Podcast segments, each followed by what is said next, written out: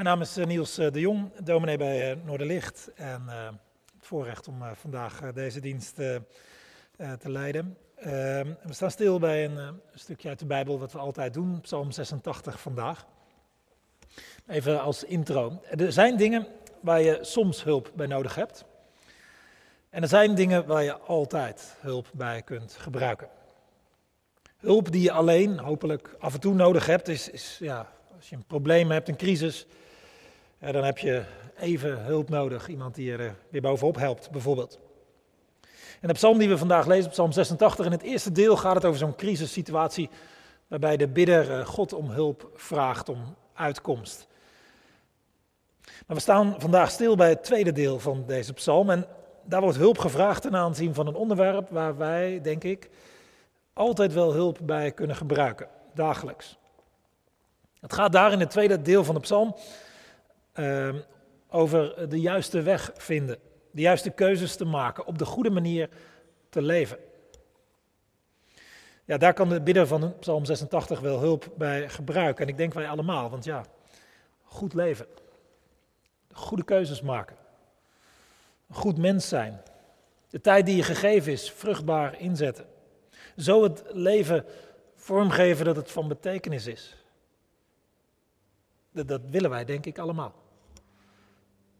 Dat is nog niet zo gemakkelijk. Zeker niet als het leven ingewikkeld wordt. En dat is het leven bij tijd en wijle ook. En dan kunnen we wel wat hulp gebruiken, hulp van boven. Zeker als je vandaag beleidnis doet, zoals jullie, David en Matthias.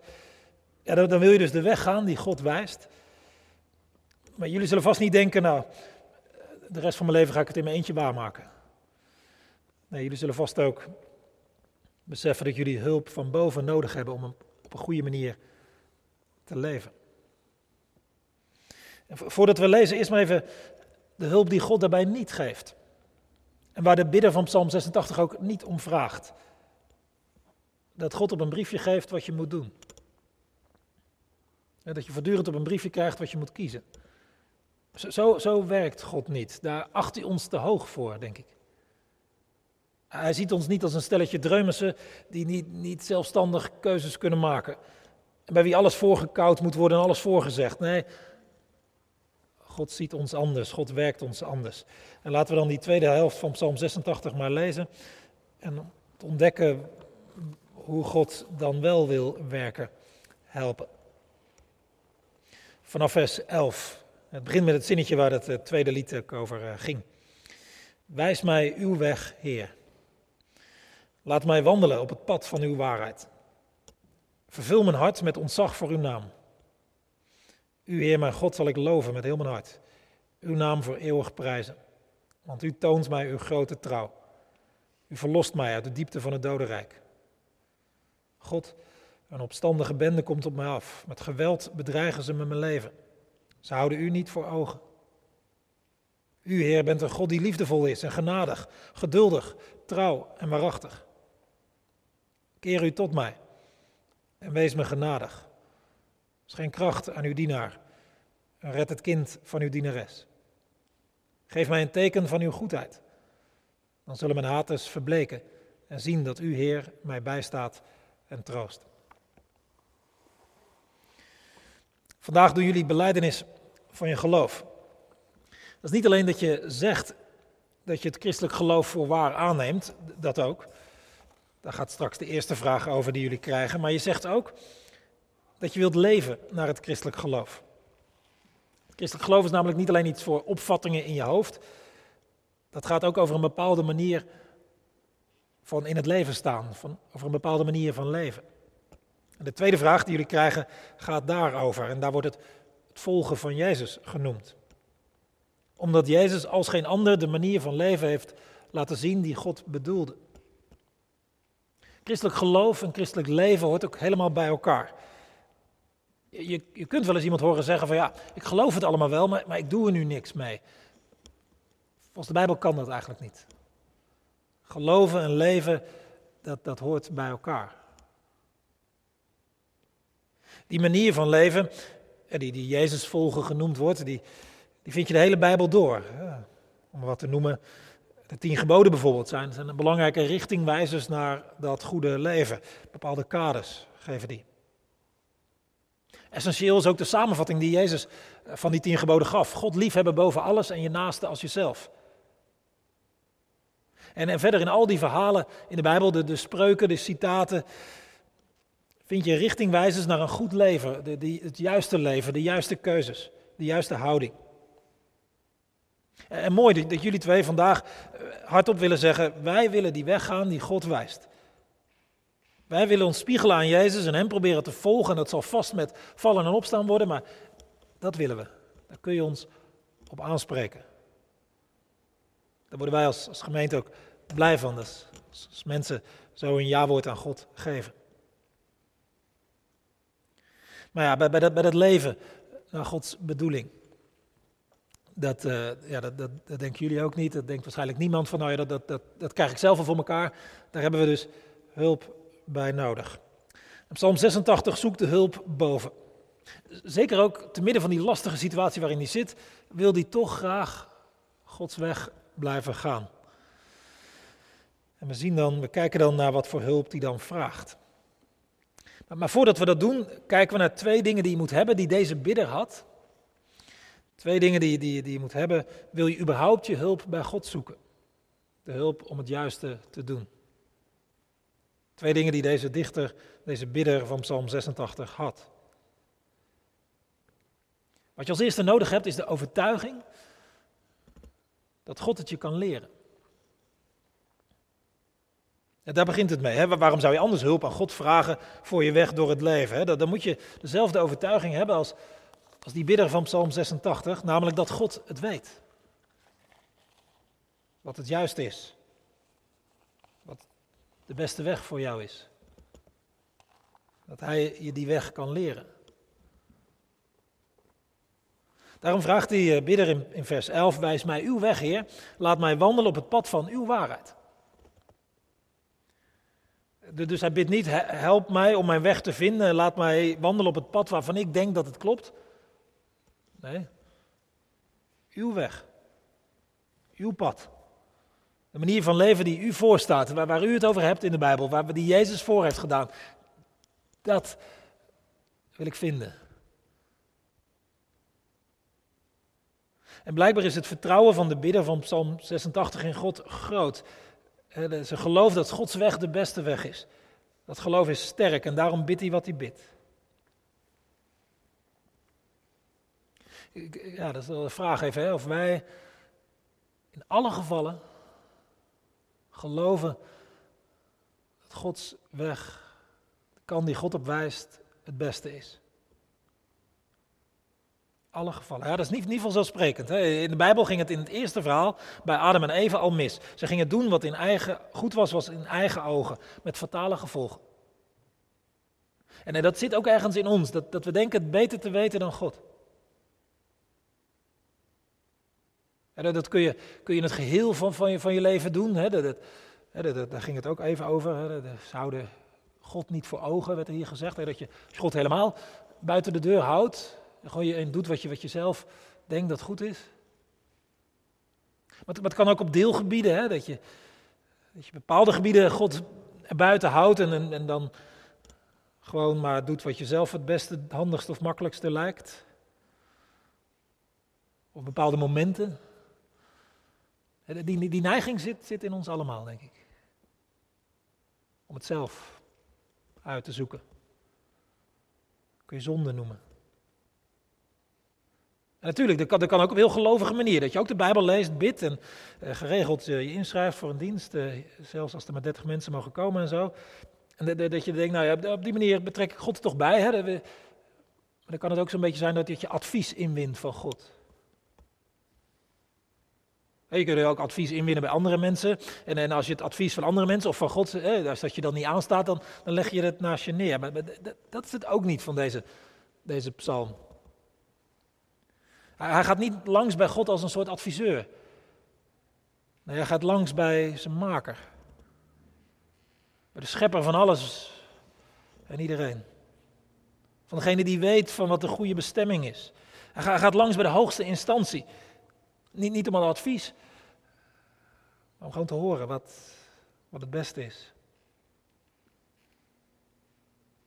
En, daarom, daarom zegt hij ook, vervul mij van ontzag voor u. Hij, hij, hij bidt dus dat, dat God alleen maar hoger voor hem wordt, belangrijker, groter.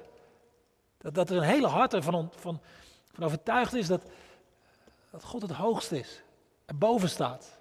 Het hele plaatje ziet, de machtigste is, de wijste is. Dat hij nog meer ontzag voor God krijgt. Zodat hij nog meer bereid was om het bij God te zoeken. Hij had het ook al, daar, daarom bidt hij ook al, wijs mij uw weg, Heer. Je kunt dat zinnetje ook vertalen met, leer mij uw weg. Misschien, misschien nog wel mooi, want er zit ook in de, dat je het eigen moet maken, dat je het moet leren.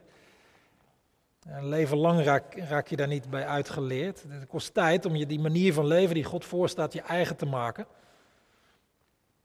Dat is ook wel goed om te weten als je, als je, als je beleidnis doet, ook, ook als je hier, te gast bent. Hè, dat, is geen examen wat ze nu afleggen. Dat wij als, als, als kerk wel denken, nou, die, die David en Matthias, dat, dat is wel goed.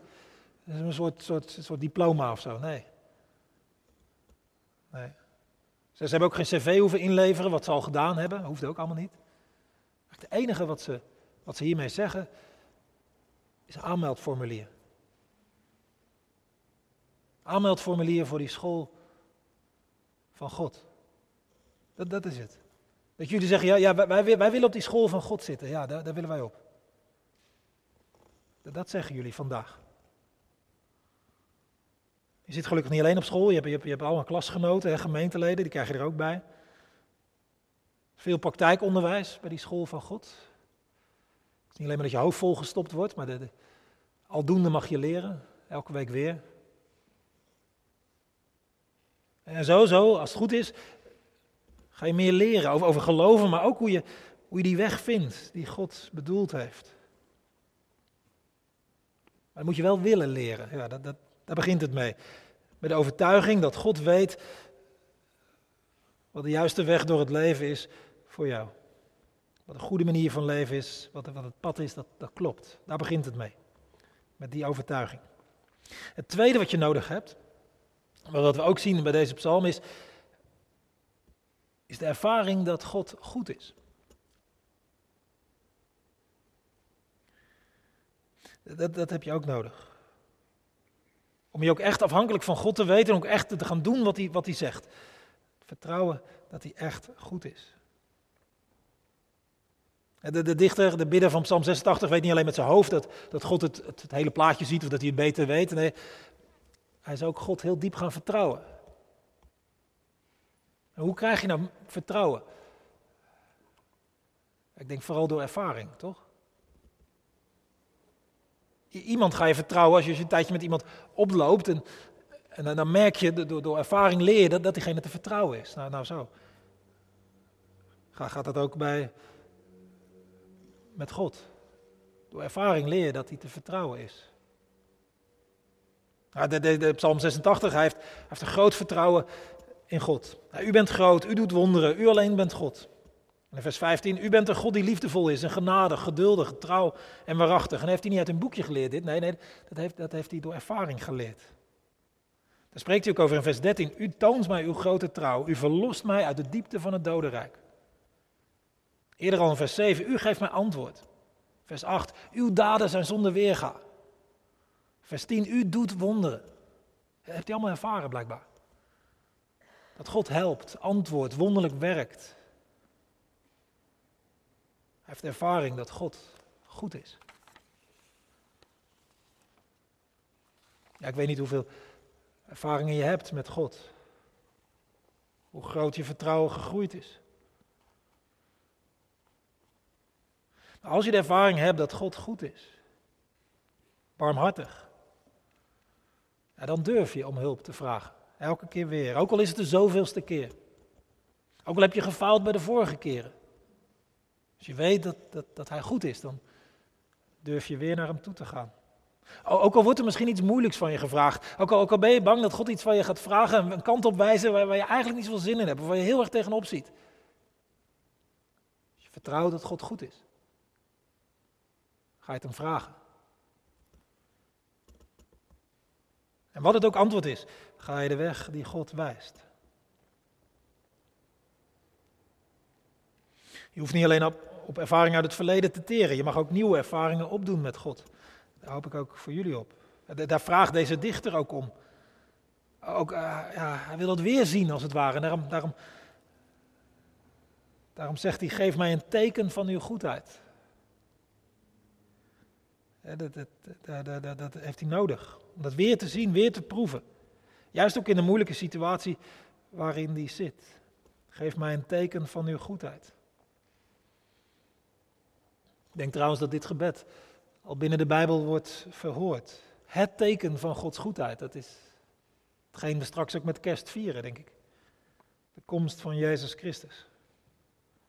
Dat God in hem naar deze wereld is gekomen, zich zo klein heeft gemaakt, zich zoveel beperkingen heeft opgelegd, zo diep afdaalt dat hij daar kwam in die eh, voor Israël lastige tijd, bezittingstijd, in Bethlehem, zo'n dorpje in, in een stal, eh, als bastardkind en even later als kind van vluchtelingen. Zo diep daalde God af. Zo ver ging Gods goedheid. Jezus Christus is het ultieme teken van Gods goedheid. Ik hoop dat we daar met kerst weer iets van zullen gaan proeven.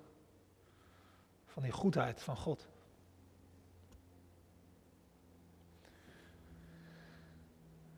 Nou ja, als je de ervaring hebt dat God te vertrouwen is, dat hij goed is.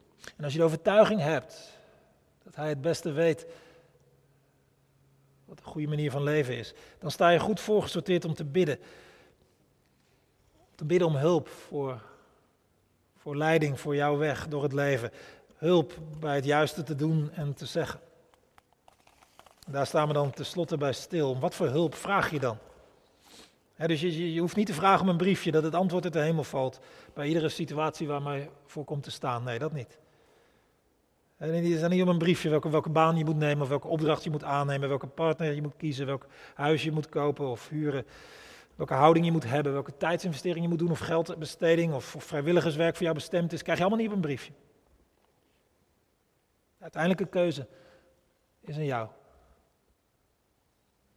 Maar, welke hulp kun je dan vragen? Welke hulp kun je dan rekenen? Nou, je zou op basis van andere Bijbelgedeelten iets kunnen noemen als bijvoorbeeld wijsheid. Of, of, of, of moed. Maar hier, deze psalm staat iets anders. Wat ik wil uitwerken en ik wil het daarmee behouden. Dat genoeg is voor vandaag. In vers 16 bidt de bidder: Schenk kracht aan uw dienaar. Dat heeft hij nodig. Om in zijn situatie vol te houden, het goede te doen en te denken en te zeggen. Ook als dat niet makkelijk is. Deze psalm gaat het ook over tegenstanders. In vers 14 heeft de bidder het over een opstandige bende komt op mij af. Met geweld bedreigen ze mijn leven. Nou, dat is niet makkelijk. En in vers 17 heeft hij het over mijn haters. Er zijn mensen die hem haten. Ah, valt niet mee om, om het juiste te doen, toch? Als, als, als mensen je afvallen, je, je allerlei dingen misgunnen. Je haten. Zie, zie dan maar eens zuiver te blijven, oprecht en eerlijk. Zie dan maar eens in het spoor van Jezus te blijven gaan. Zie dan maar eens in de waarheid te blijven wandelen. Dat, dat, is, dat is moeilijk. Daarom bidt hij om kracht. Laten we het eens heel concreet maken vandaag. Stel je voor, je hebt een bedrijf. Misschien uh, kunnen jullie je voorstellen. Werk je hard voor. Stel je voor dat alles voor de wind gaat. Ja, dan is het nog steeds zoek om te weten wat God van je vraagt en zo, welke keuze je moet maken. Maar het wordt natuurlijk veel lastiger als je tegenwind hebt. Stel je voor, je krijgt te maken met oneerlijke concurrentie of met een verziekte markt of onterechte regelgeving die jou moeilijkheden brengt. Stel je voor dat het voortbestaan van je bedrijf in gevaar komt. Dan wordt het een stuk lastiger om het goede te doen. En er altijd maar voor te kiezen. Zie, zie dan maar eens zuiver te blijven. Oprecht, eerlijk. Ja, dan heb je kracht nodig, toch? Of stel je voor, je zou graag een volgende stap maken in de organisatie waar je werkt, maar je merkt veel afgunst onder collega's, niet iedereen is eerlijk, mensen doen zich beter voor dan ze zijn, anderen verdoezelen hun fouten, schuiven dat af op, op, op misschien wel jou of op een ander. Wellicht is een collega die dat, die dat ook probeert om je onderuit te halen. Zie, zie dan maar eens goed en eerlijk en oprecht te blijven. heb je kracht van boven nodig, toch? Stel je voor, het loopt niet lekker met je kind in de klas. Dingen lukken niet, medeleerlingen sluiten buiten, lachen uit. Met, met lood in de schoenen gaat je kind naar school. De docent ziet het niet of wil het niet zien. En als je het probeert aan te geven aan andere ouders, dan, dan hoor je alleen maar, ach, ja, kinderen, hè, je weet hoe ze zijn, doe niet zo moeilijk. Zie dan maar eens zuiver te blijven, eerlijk, liefdevol, oprecht. Heb je kracht van boven voor nodig, toch? Te doen wat je misschien ook wel weet dat je moet doen, maar, maar zo lastig is. Stel je voor, je komt in een problematische situatie. En dat brengt het leven in het spoor van Jezus ook met zich mee. Dan, dan kom je af en toe in de problemen. Kijk maar naar Petrus of Paulus bijvoorbeeld. Die kwamen vanwege hun leven in het spoor van Jezus voortdurend in de problemen. Want als je leeft naar Gods bedoeling, dan, dan loop je niet als een, met, een, met een bocht om allerlei moeilijke situaties. Nee, je, je, je raakt erin verzeild soms juist. Want je kunt je niet afzijdig houden als je, als je wilt leven dat leven wat, wat, wat, de bedoeling is van God, dan kun je niet afzijdig houden van, van mensen die je lief zijn. Niet afzijdig houden van nood in de samenleving. Niet afzijdig van die stichting die jou om hulp vraagt. Niet afzijdig van een bepaalde nood in deze wereld. Of dat nu vluchtelingen, kinderen zijn, of het klimaat, of, of weer wat anders. En als je je bij betrokken laat raken, ja, dan kom je ook in ingewikkelde dingen terecht. En ingewikkelde situaties. En ja, zie dan maar zuiver te blijven. En eerlijk en oprecht. Liefdevol. Daar heb je kracht voor nodig, toch? Ook om het vol te blijven houden op de lange termijn. Schenk uw dienaar kracht. De bidder van Psalm 86 wil niet alleen God dienen als hij wind mee heeft, maar ook bij wind tegen. En hij beseft dat hij dan kracht van God nodig heeft. Ik denk dat wij allemaal, jullie ook, maar wij allemaal die kracht nodig hebben. als je in sommige situaties de enige lijkt te zijn die Gods weg probeert te gaan. Die kracht heb je nodig om bepaalde gewoonten, patronen te, die, die schadelijk zijn voor jezelf en voor anderen, om die te veranderen. Die kracht heb je nodig om iets van God te zeggen als, als, als, als iedereen God in achterhaalt iets lijkt te vinden. Die kracht heb je nodig om tegen de stroom in te zwemmen. Geregeld hoort dat erbij als je in het spoor van Jezus gaat. Die kracht heb je nodig om grenzen te trekken als mensen er overheen dreigen te walsen. Die kracht heb je nodig om je naaste lief te hebben als jezelf. Die kracht heb je nodig om te blijven bidden voor een schijnbaar hopeloze situatie. Het goede nieuws is dat God dit gebed van Psalm 86 wil verhoren. Hij kan en wil je de kracht geven die je nodig hebt. Mocht je daaraan twijfelen, kijk dan naar dat andere teken van Gods goedheid. Het eerste ultieme teken van Gods goedheid, de komst van Jezus Christus. Maar God gaf een tweede teken. Kwam ons nogmaals tegemoet. Via de Heilige Geest. De Heilige Geest is God zoals die bij je is. In je woont. En nooit uit te putten krachtbron. Die is bij je. En blijft bij je. Altijd. Amen.